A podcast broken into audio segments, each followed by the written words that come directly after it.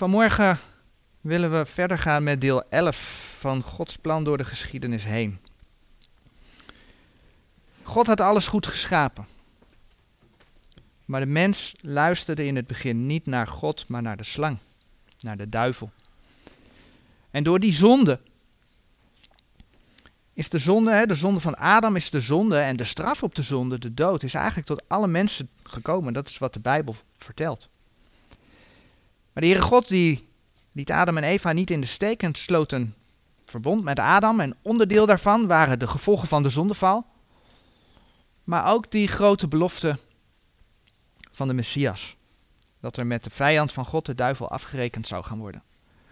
Maar wat gebeurde er in dat paradijs? Adam en Eva moesten daaruit. Zij mochten niet meer bij de boom des levens zijn. Daar werden zij van gescheiden, omdat zij anders als zondige mens het eeuwige leven zouden kunnen krijgen door die boom des levens. Dat staat in Genesis 3, vers 22. En op die boom des levens gaan we vandaag terugkomen. Ook met het geweten onder het verbond van God met Adam ging het niet goed en God stuurde de zondvloed. En na de zondvloed sloot God met Noach een verbond. Dat de aarde nooit meer door zo'n grote watervloed vernietigd zou worden. Uiteindelijk weten we dat de Bijbel laat zien dat deze aarde die er nu is, wel zal vergaan. Alleen niet door water, maar door vuur. Het staat dan in 2 Petrus 3. Er zal een nieuwe hemel en een nieuwe aarde komen. Daar gaan we het vandaag over hebben. Maar dat alles gebeurt niet zonder dat de Heer alle mensen wil bereiken met de blijde boodschap, met het evangelie. 2 Petrus 3 vers 9. De Heer geeft ruimte voor bekering. God gaf nieuwe regels aan Noach. Maar wat zien we, en dat zie je eigenlijk de hele geschiedenis door, opnieuw faalt de mens. De mens vervulde de aarde niet, wat God wel geboden had. De mens vertrouwde niet op God, de mens ging zijn eigen toren bouwen, de toren van Babel. En God moest opnieuw ingrijpen en verwarde de talen van de mensen. En de mens ging zich alsnog verspreiden over de aarde. Genesis 11. Tevens hebben we de heenwijs van die toren van Babel naar vandaag de dag gezien. Het hedendaagse Europa, wat eigenlijk ja, zeg maar een, een hedendaagse toren van Babel is. Met als symbool de vrouw op het beest, Europa op Zeus. Daar komt Europa, de naam Europa vandaan. En zo zagen we hoe we in de eindtijd terug zijn bij Babel. Zo zagen we dat de Heere God de volken over de aarde verspreidde, maar ook dat het land van Israël op geen, op, op geen enkele manier toebehoort aan de Arabieren, de Mohammedanen en Gam. Zij werden weggestuurd. En God heeft de landbelofte aan Abraham gegeven dat notabene het land van de rivier de Nijl tot aan de rivier de Uifraat in Irak voor Israël zal zijn. Gaat gebeuren. God heeft het gezegd. En zo riep God Abraham. God sloot een verbond met Abraham. En we zagen hoe de Heer stelde dat die zegen van Abraham op Isaac overging, niet op Ismaël. Uiteindelijk ging de zegen naar Jacob, het volk Israël ontstond. Maar ook de heidenen kunnen deel krijgen aan de zegen van dat verbond. Via Jezus Christus, het beloofde zaad. Maar met Abraham, zijn nageslacht, zie je in de Bijbel dat het ook steeds weer slechter gaat. Het gaat van kwaad tot erger. Ze komen in onderdrukking in Egypte. Maar de Heer liet hen niet in de steek en zond de verlosser, een verlosser, Mozes. Nou, nadat het volk dan door Gods tekenen en wonderen uit Egypte bevrijd is, sluit God met hen het verbond van de wet. Met als teken de Sabbat. Het teken van het verbond tussen God en zijn volk Israël. Een voorwaardelijk verbond. Zouden ze naar God luisteren, dan zou God ze zegenen. Zouden ze niet luisteren, dan houdt God hen de vloek voor die ze zouden, die ze zouden ontvangen. Nou, en dan zien we het onder de koningen fout gaan. Afgoden worden gediend. En de Heere God die zorgt ervoor dat het volk in verstrooiing komt. En dan spreken we over de Babylonische ballingschap. Onder de wet hebben we gezien dat God nog een verbond met het volk sloot. Vaak het Palestijnse of diaspora-verbond genoemd. En daarin had God al voorzien dat het volk zou zondigen en in de verstrooiing zou komen. Maar God beloofde dat er een moment zou komen dat Israël zich zou gaan bekeren en dat zij naar het land zou terugkomen. En wat zien we dan gebeuren? Dat op een gegeven moment twee stammen terugkomen uit die Babylonische ballingschap. Maar daarmee is niet de belofte van Deuteronomium 30 vervuld. Dat zal in de toekomst nog gaan gebeuren. Maar deze terugkeer was nodig. Waarom? Omdat volgens de profeten de Messias in Bethlehem geboren zou worden. En zo zorgde God er zelf voor dat zijn woord in vervulling ging. Ook zagen we dat God met David een verbond sloot. Vooruitwijzend naar het eeuwige koninkrijk. Het koninkrijk van koning Jezus. En wat zien we dan gebeuren? Dat ehm, Johannes de Doper komt, de Heer Jezus komt, de Heer die zoekt zijn discipelen uit. En wat verkondigen zij? Zij verkondigen het koninkrijk. Maar we zien dat het Joodse volk de Messias verwerpt. En dat in 70 na Christus opnieuw Jeruzalem en de tempel verwoest worden. Het volk werd opnieuw onder de heidenen verstrooid. En daarmee werd het koninkrijk dat aangekondigd werd, werd uitgesteld. De Heer Jezus is nog steeds geen koning geweest, maar we zijn 2000 jaar verder. En in die 2000 jaar zien we dan dat, um, dat het het tijdperk van de gemeente is. De periode waar wij in leven. Daar waar de Heer met zijn discipelen, toen hij op aarde was, het koninkrijk verkondigde, zien we dat nu het evangelie der genade Gods verkondigd wordt. Geopenbaard aan de apostel Paulus, de apostel der heidenen. Daar waar God door Israël handelde, gaat God nu door de gemeente handelen. En wordt de veelvuldige wijsheid Gods door de gemeente op aarde bekendgemaakt. Maar wat zien we? De gemeente, periode, die eindigt ook weer ja, met een falend christendom. De afval van het geloof. Er gebeurt ook vandaag de dag veel met de gedaante van godzaligheid, terwijl het daar niets mee te maken heeft. We weten dat de Heer snel zal komen. We leven in de eindtijd. En dat is waarna waar wij naar mogen uitzien, hè? de opname van de gemeente. De Bijbel zegt niet voor niets in dat gedeelte, zo dan vertroost elkander met deze woorden. Nadat de gemeente dan is opgenomen, dan komt een grote verdrukking op de aarde.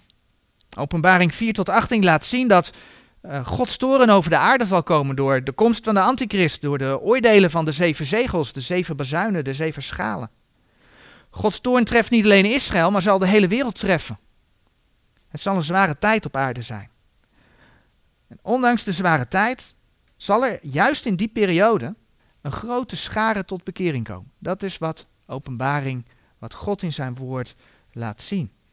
Alleen voor die mensen zal het wel een andere tijd zijn dan voor de gemeente. Ze zullen moeten volharden tot het einde. Maar dan, na de grote verdrukking, dan gaat de hemel open en komt de Heer Jezus terug.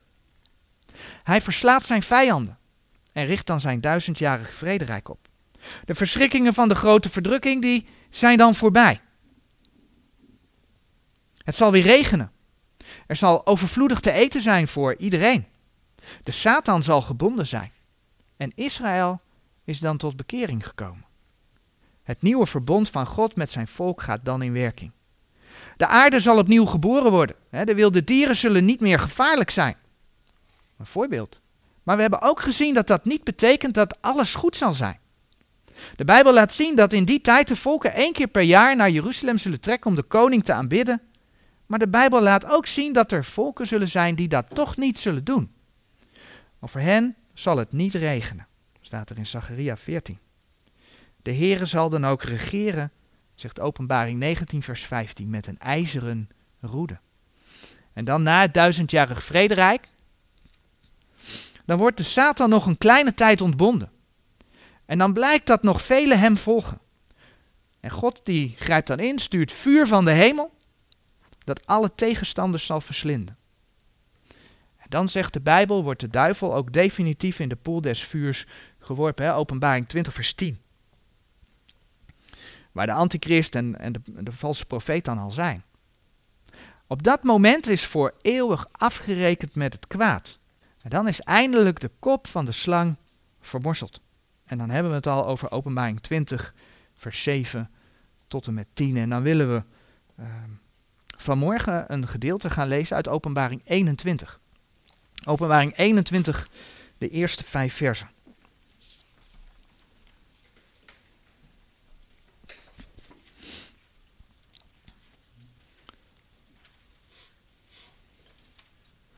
Openbaring 21. vanaf vers 1. En ik zag een nieuwe hemel en een nieuwe aarde. Want de eerste hemel en de eerste aarde was voorbij gegaan en de zee was niet meer. En ik, Johannes, zag de heilige stad, het nieuwe Jeruzalem, nederdalende van God uit de hemel, toebereid als een bruid die voor haar man versierd is. En ik hoorde een grote stem uit de hemel, zeggende, Zie, de tabernakel Gods is bij de mensen, en hij zal bij hen wonen. En zij zullen zijn volk zijn. En God zelf zal bij hen en hun God zijn. En God zal alle tranen van hun ogen afwissen. En de dood zal niet meer zijn, nog rouw, nog gekrijt, nog moeite zal meer zijn. Want de eerste dingen zijn weggegaan. En die op de troon zat zeide, zie, ik maak alle dingen nieuw. En hij zeide tot mij, schrijf, want deze woorden zijn waarachtig en getrouw. Dit gedeelte gaat dus over de nieuwe hemel en de nieuwe aarde. Maar voordat die nieuwe hemel en die nieuwe aarde komen, lezen we eerst in Openbaring 20, vers 11 tot en met 15, dat er nog een laatste oordeel komt. Het oordeel van de grote witte troon. En de Bijbel laat dan zien dat bij dat oordeel mensen op hun werken beoordeeld worden. En dit oordeel loopt dan uit op, zoals de Bijbel dat zegt, dat zullen we zo lezen, op de tweede dood. En dan gaan we naar Openbaring 20, vers 6. Daar wordt over die tweede dood geschreven. Openbaring 20, vers 6. Zalig en heilig is hij die deel heeft in de eerste opstanding. Over deze heeft de tweede dood geen macht. Maar zij zullen priesters van God en Christus zijn. En zij zullen met hem als koningen heersen duizend jaren. Dan gaan we naar vers 14 van Openbaring 20. En de dood en de hel werden geworpen in de poel des vuurs. Dit is de tweede dood. En zo iemand niet gevonden werd geschreven in het boek des levens, die werd geworpen in de poel des vuurs. De gemeente van de Heer Jezus is dan al lang opgenomen. Dat is al voor het duizendjarig vrederijk gebeurd. Die gemeente heeft dus deel aan de eerste opstanding. Want die is al opgestaan. De tweede dood heeft dus ook geen macht over de gemeente. Als je dus in de Heer Jezus gelooft vandaag de dag, heeft de tweede dood geen macht over je. Dan hoef je niet bang te zijn voor dat laatste oordeel van de grote witte troon. Want de gemeente wordt daar niet geoordeeld. Wie worden daar wel geoordeeld? Dat zijn degenen die in Openbaring 20, vers 5 vallen onder de overigen der doden. Dus degenen die bij de eerste opstanding niet opgestaan zijn, die dus overgebleven zijn, de overige der doden, die zullen dan opstaan. Oftewel, uh, de overleden ongelovigen van deze bedeling, van de gemeentetijd, die vallen daaronder. Het oordeel van de grote witte troon is het grote oordeel van de ongelovigen. In de eerste plaats. Ook zij zullen opstaan. Maar zij zullen opstaan om geoordeeld te worden en zullen doorverwezen worden. Dat is het enige wat overblijft als je Openbaring 20, vers 11 tot en met 15 gaat lezen. Naar de poel des vuurs. Nou zegt de Bijbel dat er in de eeuwigheid, dat hebben we vanmorgen gelezen, geen dood is, geen rouw is. Dat er geen tranen meer zijn. Maar dat houdt niet in dat de poel des vuurs verdwijnt. Want als je in Openbaring 21, vers 8 gaat kijken. Openbaring 21, vers 8. Wat gaat al over de nieuwe hemel en de nieuwe aarde? Dan lees je daar maar de vreesachtigen en ongelovigen, en gruwelijke en doodslagers, en hoereerders, en tovenaars, en afgodendienaars, en al de leugenaars is hun deel in de poel die daar brandt van vuur en zilver, het welk is de tweede dood. Natuurlijk verwijst dit naar de ongelovigen uit de grote verdrukking en het duizendjarig vrederijk, maar ook naar de ongelovigen van de gemeentebedeling, die niet eerder worden opgewekt dan het oordeel van de grote witte troon. Dat zijn die overige der doden, En die zullen dus eindigen, zegt Gods woord, in de poel des vuurs. In feite zien we hier dat God de ongelovigen op één lijn stelt, in die tekst, hè, openbaring 21 vers 8, op één lijn stelt met de gruwelijke, de doodslagers, de hoereerders, de afgodendienaars, de tovenaars, de vreesachtigen, de leugenaars. Maar ja, niet alle goddelozen zijn plegers van bijvoorbeeld doodslag of hoererij. Maar de ongelovige, want dat is eigenlijk waar het op neerkomt, hè, die denkt alles zelf wel te kunnen. Die denkt zelf wel bij God te kunnen komen. Of zelf wel ja, zijn eigen leven goed te kunnen leiden. want hij kijkt om naar de armen, hij is sociaal, hij doet zijn werk goed. Zo denken mensen vaak. Stelt God daar toch mee op één lijn? En waarom? Omdat niemand de wet kan houden. Het antwoord is eigenlijk heel simpel. Niemand kan de wet houden. Er is niemand volmaakt, zegt Gods woord, Romeinen 3, vers 12, ook niet tot één toe.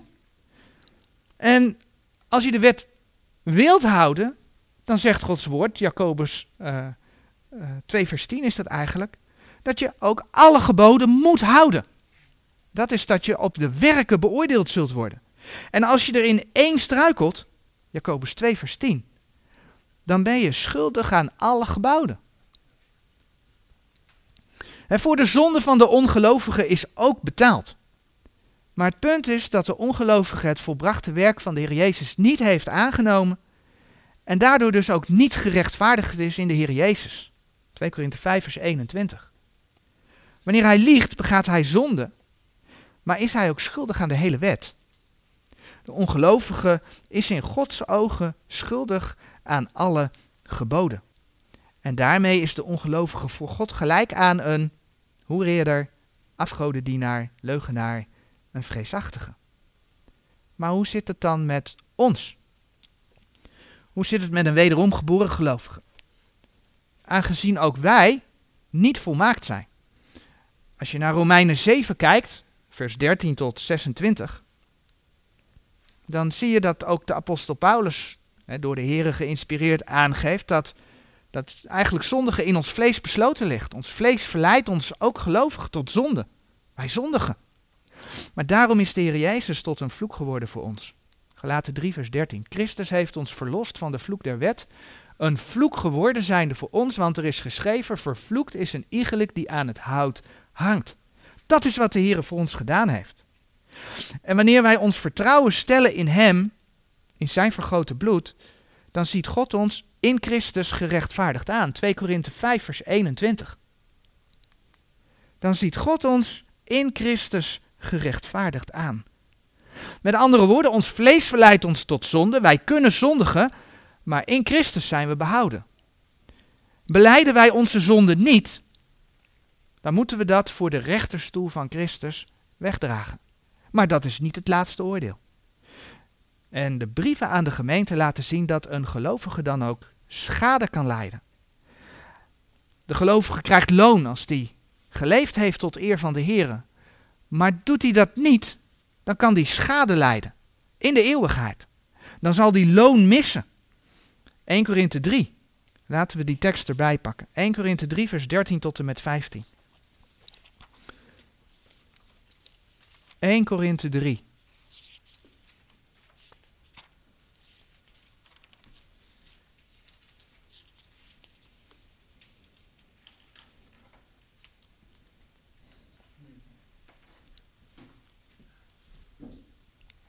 Eén Korinthe 3 vanaf vers 13.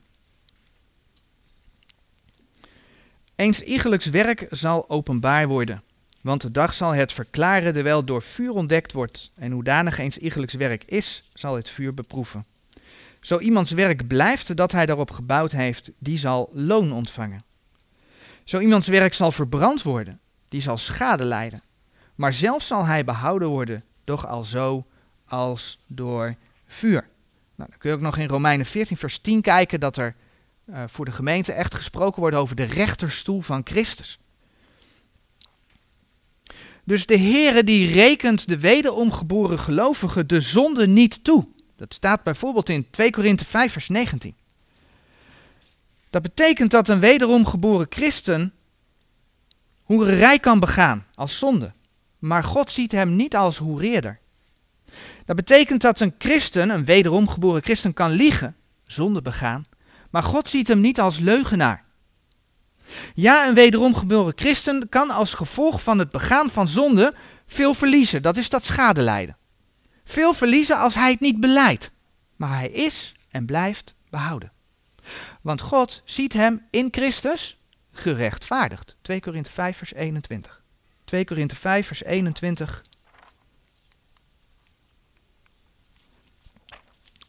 Ik ga hem even lezen.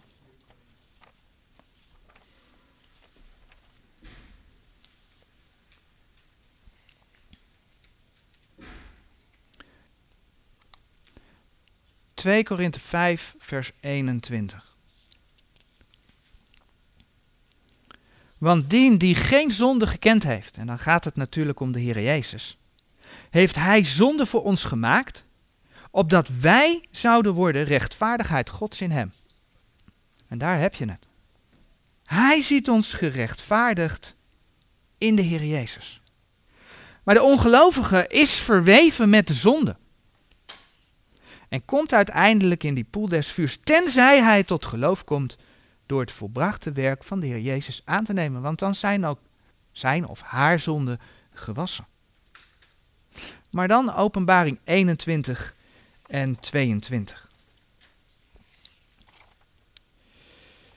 Deze hoofdstukken die gaan in Gods woord over de nieuwe hemel en de nieuwe aarde.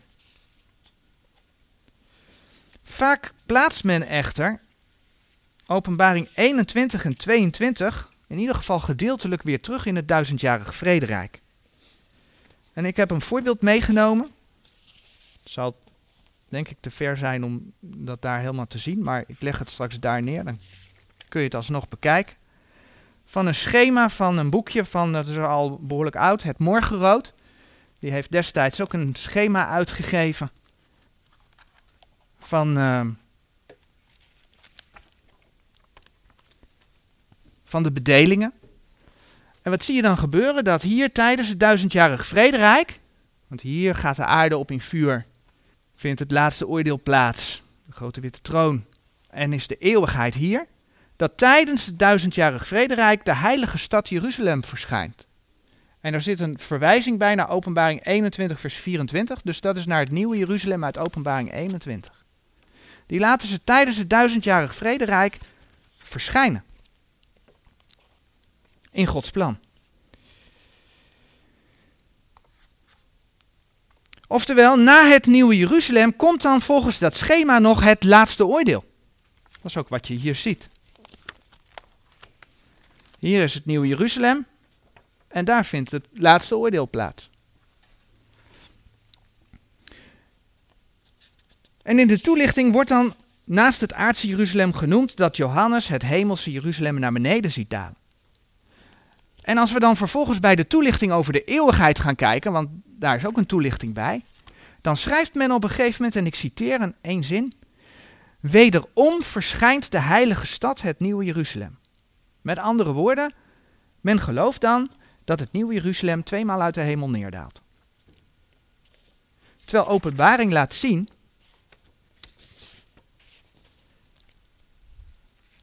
dat na het duizendjarig vrederijk, openbaring 20 vers 1 tot en met 7, waarin de Heer Jezus regeert vanaf de troon van zijn vader David, vanuit het aardse Jeruzalem.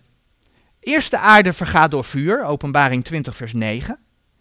Dan vindt het laatste oordeel plaats, voor de grote witte troon, openbaring 20 vers 11 tot en met 15. En vervolgens zegt Johannes in openbaring 21 vers 1, en ik zag een nieuwe hemel en een nieuwe aarde. En daarop volgend, in vers 2, en ik, Johannes, zag de heilige stad, het nieuwe Jeruzalem, nederdalende van God uit de hemel, toebereid als een bruid die voor haar man versierd is. Uit die versen 1 en 2 blijkt dat het nieuwe Jeruzalem pas komt, pas naar beneden komt, als de nieuwe aarde en de nieuwe hemel er zijn. Dat is dan ook pas mogelijk omdat er eerst een scheiding tussen ons heelal en de hemel, de woonplaats van God, zal gaan verdwijnen. Maar daar komen we zo nog op terug. In ieder geval staat er nergens in de Bijbel geschreven, wederom zag ik Johannes, de heilige stad, het nieuwe Jeruzalem nederdalende van God uit de hemel. Dat komt niet in de Bijbel voor. En hier zie je dus hoe je uh, het woord wel kunt snijden, maar als je het niet recht snijdt, dan ga je dus alsnog dingen roepen wat niet klopt.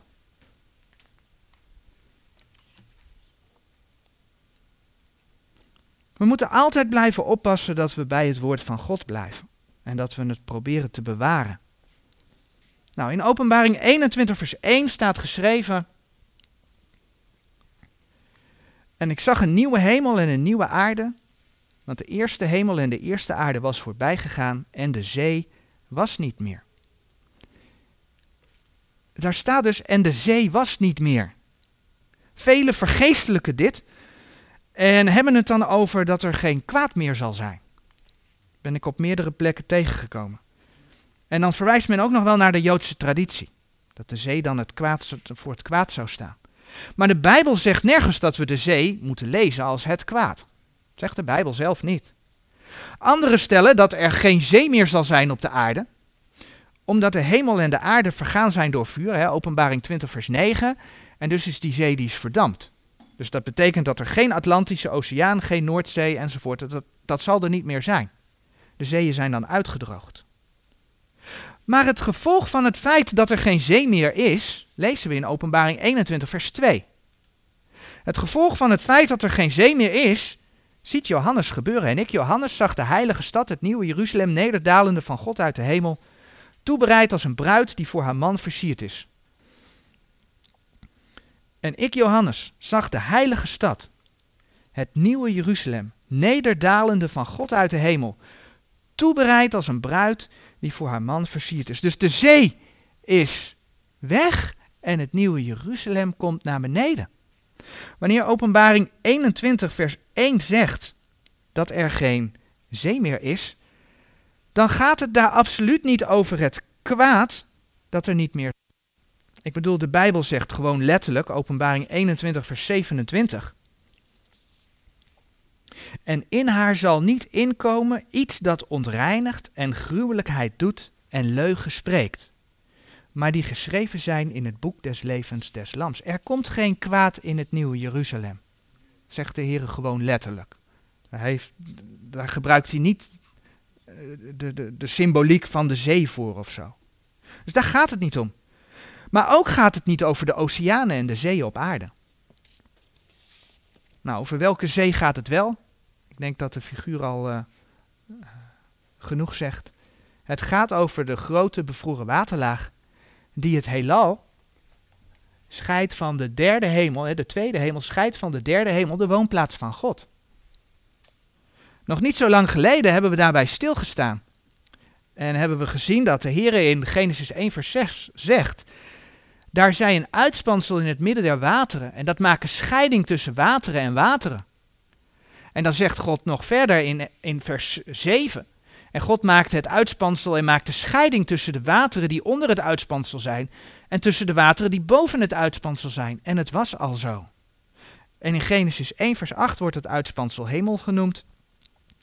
En in Genesis 1 vers 14 tot 18 zien we dat de Heer de zon, de maan en de sterren in dat uitspansel maakt. Met andere woorden, dat uitspansel is in ieder geval door een waterlaag gescheiden van de woonplaats van God.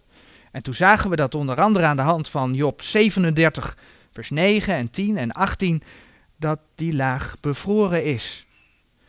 Dus wanneer Johannes opgenomen wordt in Openbaring 4, vers 6, dan ziet hij een glazen zee kristal gelijk als die in de hemel is. Het is allemaal te verklaren. En dan in Habakkuk 3. In Habakkuk 3, daar vinden we een gebed van Habakkuk, van de profeet Habakkuk. Maar dat is een profetisch gebed. En als je onder andere daar in vers 3 kijkt en 11 en 12, dan zie je dat dat verder kijkt dan de tijd van Habakkuk en dat het gaat over de tweede komst van de Heer Jezus. En in dat gebed staat dan onder andere vers 15. En daar lezen we dat de Heer, als hij terugkomt, net als het volk Israël destijds door een zee gaat. Gij betraat met uw paarden de zee, de geweldige wateren werden een hoop. Dat zijn de wateren, dat is de zee die ons doet zien zoals 1 Korinthe 13 vers 12 dat zo mooi zegt, in een spiegel in een duistere reden, waardoor wij niet van aangezicht tot aangezicht kunnen zien. En dat is dus die zegen die gaat verdwijnen. De aarde en de hemelen zullen vergaan. Kun je ook lezen in 2 Petrus 3 vers 7, vers 10, vers 12 en 13. Er zal geen glazen zee meer zijn, want die scheiding uh, tussen de derde hemel, de woonplaats van God en ons heelal gaat verdwijnen. En vervolgens, openbaring 21 vers 1, komt een nieuwe hemel en een nieuwe aarde. En zal het nieuwe Jeruzalem, openbaring 21 vers 2, afdalen naar die nieuwe aarde. Dat is wat Gods woord laat zien. En dan zegt openbaring 21 vers 3. En ik hoorde een grote stem uit de hemel. Openbaring 21 vers 3. En ik hoorde een grote stem uit de hemel zeggende, zie de tabernakel Gods is bij de mensen en hij zal bij hen wonen. En zij zullen zijn volk zijn. En God zelf zal bij hen en hun God zijn. En als ik dan openbaring 22 vers 3 nog voorlees, een bladzijde verder waarschijnlijk. Openbaring 22 vers 3. En geen vervloeking zal er meer tegen iemand zijn. En de troon Gods en des Lams zal daarin zijn en zijn dienstknechten zullen hem dienen. Het koninkrijk dat met het duizendjarig vrederijk begint, zal geen einde kennen. Weliswaar komt er die opstand hè, van openbaring 20 vers 9 van de Satan die nog een korte tijd losgelaten wordt en al die volken verzamelt om alsnog op te trekken naar Jeruzalem. Maar God grijpt dan in, verteert zijn vijanden en het koninkrijk van de Heeren gaat in feite verder. In de nieuwe hemel en op de nieuwe aarde. We hebben gezien dat bij de geboorte van de Heer Jezus geprofiteerd werd dat zijn koninkrijk in eeuwigheid zou duren. Zo staat er in Jesaja 9 vers 6. In Jesaja 9 vers 6 over het kind dat geboren is. Der grootheid deze heerschappij en des vredes zal geen einde zijn op de troon van David en in zijn koninkrijk. Aan het koninkrijk zal geen einde komen. Maar zeggen sommigen dan, er staat toch ook ergens in de Bijbel dat God zal zijn alles in allen. Ja, dat staat in de Bijbel in 1 Korinthe 15 vers 24 en volgende. 1 Korinthe 15 vers 24.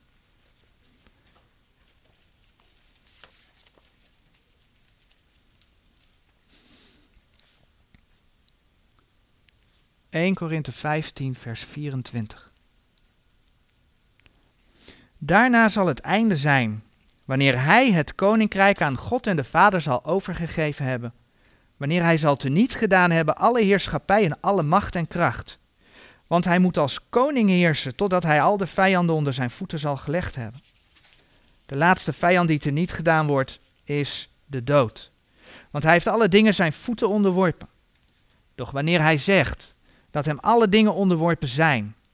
Zo is het openbaar dat hij uitgenomen wordt, die hem alle dingen onderworpen heeft. En wanneer hem alle dingen zullen onderworpen zijn, dan zal ook de zoon zelf onderworpen worden, dien die hem alle dingen onderworpen heeft, opdat God zij alles in allen. Inderdaad, dit staat geschreven, maar openbaring 21 en 22 maken duidelijk hoe dit zal zijn wanneer het nieuwe Jeruzalem naar de aarde afdaalt, zal daarin, hebben we net gelezen in Openbaring 22, vers 3, de troon van God en van het Lam staan. Jezus Christus zit nu, Hebreeën 12, vers 2 bijvoorbeeld, aan de rechterhand van de Vader. Aan de rechterhand van de troon van God. Terwijl de Vader in de derde hemel is, komt de zoon met de tweede komst naar de aarde en hij zal zitten op, zegt Matthäus 25, vers 31, de troon van zijn heerlijkheid. Dat zal in Jeruzalem zijn, het aardse Jeruzalem. Maar dan wanneer de nieuwe hemel en de nieuwe aarde er zijn en het nieuwe Jeruzalem naar beneden komt, dan is daarin de troon Gods en des Lams, hè, de troon van God en van het Lam aanwezig. Daar waar de drie-eenheid wel één is in het duizendjarig vrederijk, maar zich blijkbaar manifesteert op verschillende plaatsen, dat zag je ook terwijl de Heer Jezus zelf op aarde was. De Vader in de hemel, de Zoon die gedoopt wordt en de Heilige Geest die als een duif op hem neerdaalt. De Vader, de Zoon en de Geest kunnen zich op verschillende wijzen manifesteren. Maar daar zal in de eeuwigheid de drie eenheid zich ook als eenheid manifesteren. De Bijbel spreekt dan ook niet van twee tronen in Openbaring 21 en 22, maar van de troon Gods en des Lams. We lezen in Openbaring 21, vers 2 dat het nieuwe Jeruzalem is toebereid als een bruid. En in Openbaring 21, vers 9 zegt een engel tegen Johannes. 21, vers 9. Het uh, laatste stukje van dat vers zegt: Kom herwaarts, ik zal u tonen de bruid, de vrouw des lams. En vervolgens ziet Johannes, openbaring 21, vers 10, de grote stad, het heilige Jeruzalem, nederdalende uit de hemel van God. Velen zeggen vanwege het feit dat Jeruzalem hè, is de hoofdstad van Israël. Israël is de bruid van het lam. Uh, of Israël is de vrouw van het lam, wordt ook wel genoemd. En natuurlijk vinden we in de Bijbel verwijzingen dat Israël de vrouw van God is. Kun je in de profeet Hosea vinden, Hosea 2, vers 18 tot en met 22. Kun je in Jesaja 54 vinden, vers 5 en 6. Um, ehm, maar we vinden nooit de verwijzing dat Israël de vrouw van het lam is. Dat staat nergens geschreven. Het hemelse, het nieuwe Jeruzalem, is de woonplaats van God, maar is ook de woonplaats van hen die in Christus zijn. Het is de woonplaats van de gemeente. Als je gaat kijken naar de relatie van de Heer Jezus en de gemeente in Efeze 5, wordt dat vergeleken met de relatie tussen man en vrouw in het huwelijk.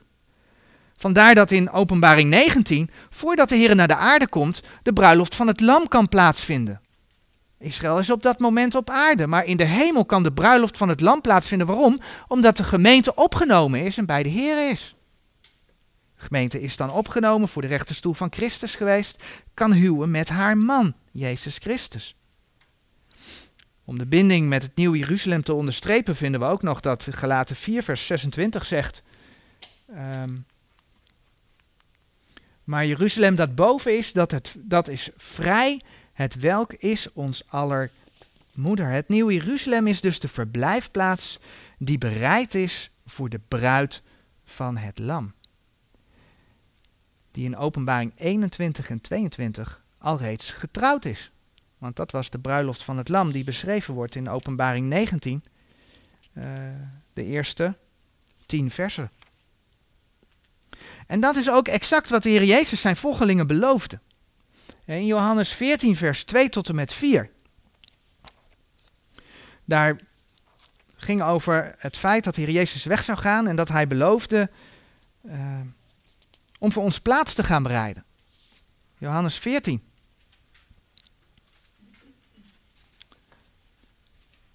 Johannes 14, vers 2.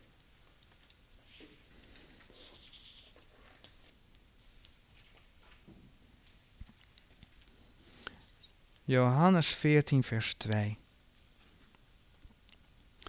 In het huis mijns vaders zijn vele woningen. Anderszins zo zou ik het u gezegd hebben.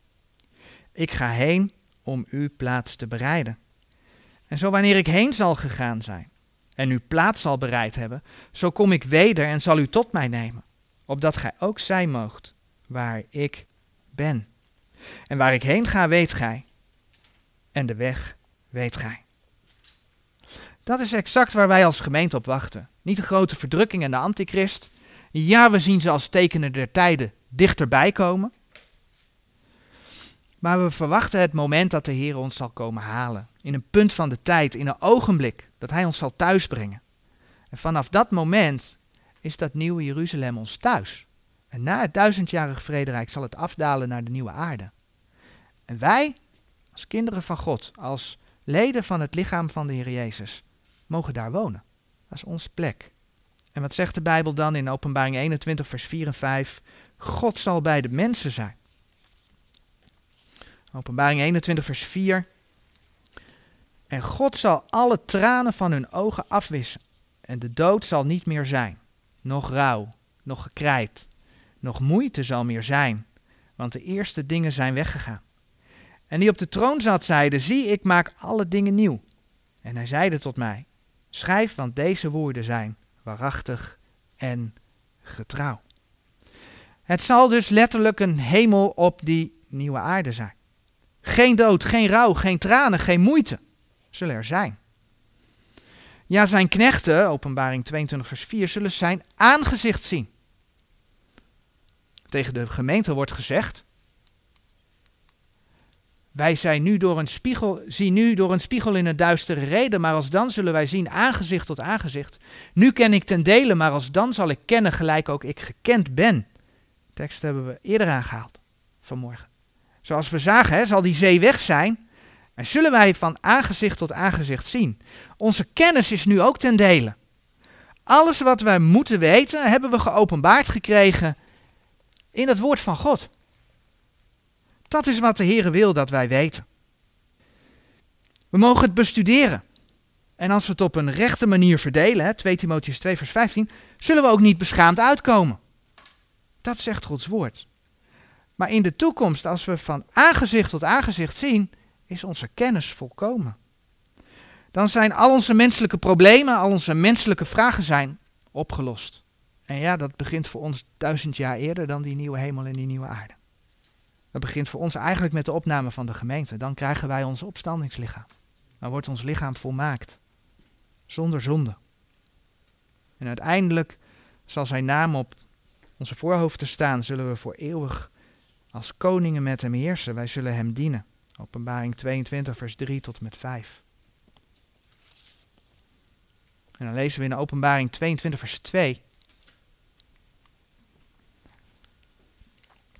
In het midden van haar straat en op de ene en de andere zijde der rivier was de boom des levens, voortbrengende twaalf vruchten van maand tot maand, gevende zijn vrucht.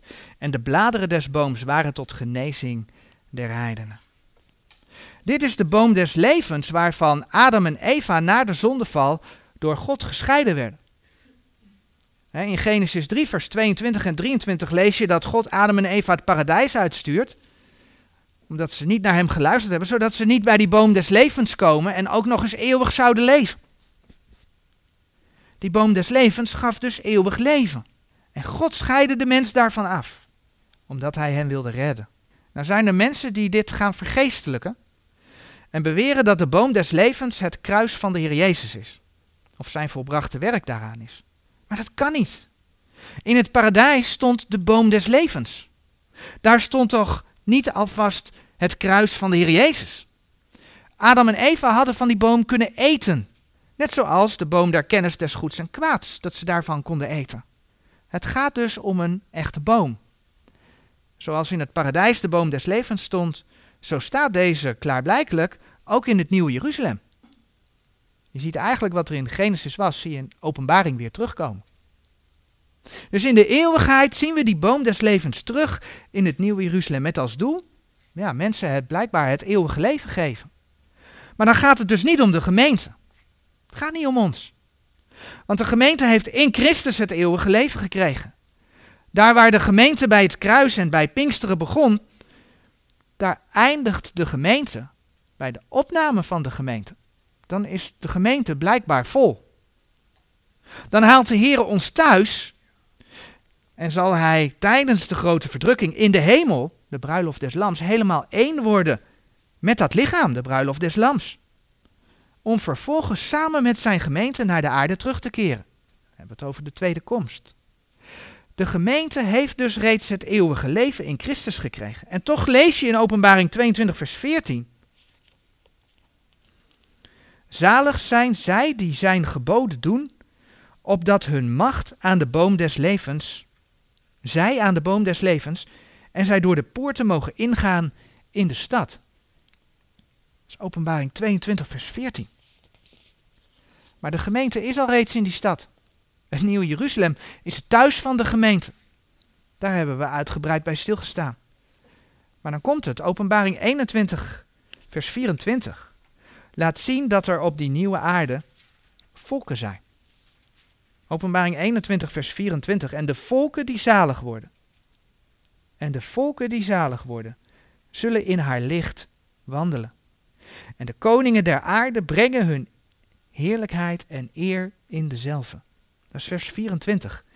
En dan zegt vers 26 nog.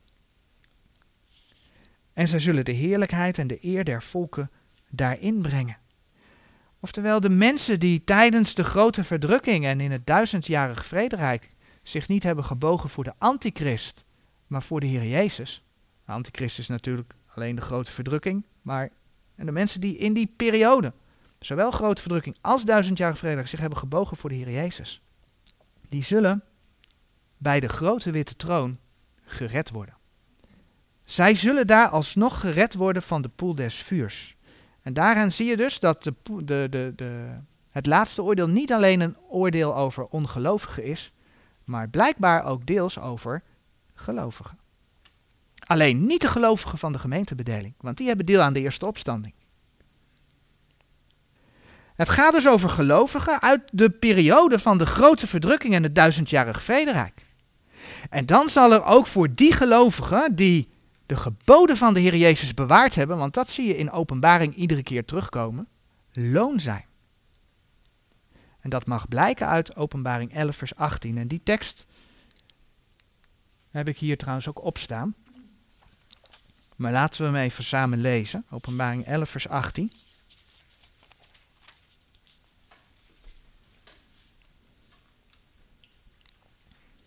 Openbaring 11 vers 18. En de volken waren toornig geworden daar hebben we dus over die laatste opstand van de duivel. En uw toren is gekomen, het vuur is van de hemel gekomen, de Heer heeft daarmee afgerekend. En de tijd der doden om geoordeeld te worden, daar hebben we het oordeel van de grote witte troon. En om het loon te geven aan uw dienstknechten, de profeten en de heiligen, en degenen die uw naam vrezen, de kleine en de grote. En om te verderven degenen die de aarde verdierven. Ja, ook bij het laatste oordeel, bij het oordeel van de grote witte troon, wordt loon uitgedeeld. Aan mensen die tijdens de grote verdrukking, tijdens het duizendjarige vrederijk, de Heren hebben gevolgd, zijn geboden hebben bewaard. En dus zijn er ook bij de grote witte troon mensen die niet in de poel des vuurs belanden en die op de nieuwe aarde komen te wonen. Zij hebben zijn geboden gedaan, zullen mogen ingaan in het nieuwe Jeruzalem. En dan zegt de Bijbel dus dat in die tijd de boom des levens. Mensen, uh, macht hebben, uh, zij deel hebben aan de boom des levens. Om dus het eeuwige leven te bemachtigen.